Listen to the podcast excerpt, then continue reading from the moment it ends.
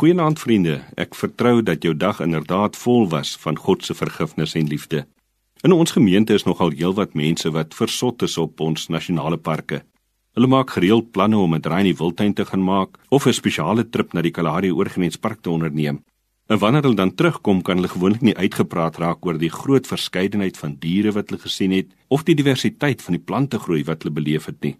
Voelkykers is ook mos nogal 'n interessante spesies.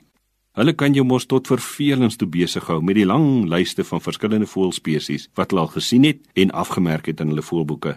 En is natuurlik so dat ons in 'n land bly met 'n ongelooflike verskeidenheid van natuurskoon, groot diversiteit.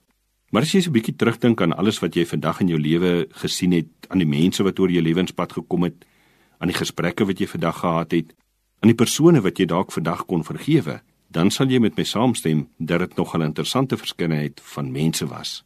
En net soos wat ons versot is op die diversiteit in die natuur en die diereryk, net so sukkel ons tog maar met die diversiteit in ons menswees. Ons is mos maar swaalf onbeholpe en ongemaklik om die verskeidenheid wat daar onder mense is te hanteer.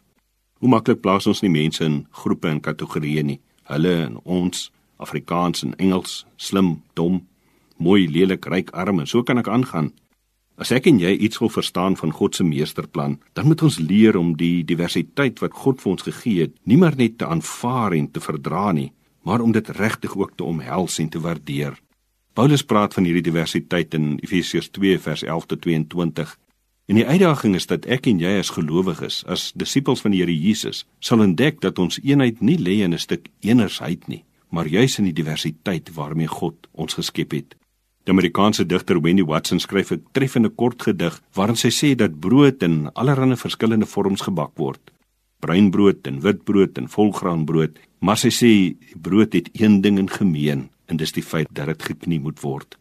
Dalk is dit tyd dat ek en jy as deel van God se meesterplan opnuut weer sal ontdek dat ons juis in Suid-Afrika 'n stuk eenheid kan vind in die diversiteit wat God geskep het dat ons geloof in Jesus Christus die een ding is wat ons in gemeen het.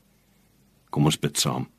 Drie enige God, wanneer ons vanaand voor U stil raak, wil ons dankie sê vir die wonderlike stuk diversiteit wat U in die skepping geplaas het.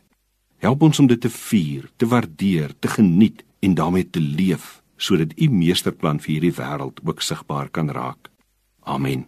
Vriende, rustige nag tot ons weer hier saam kuier.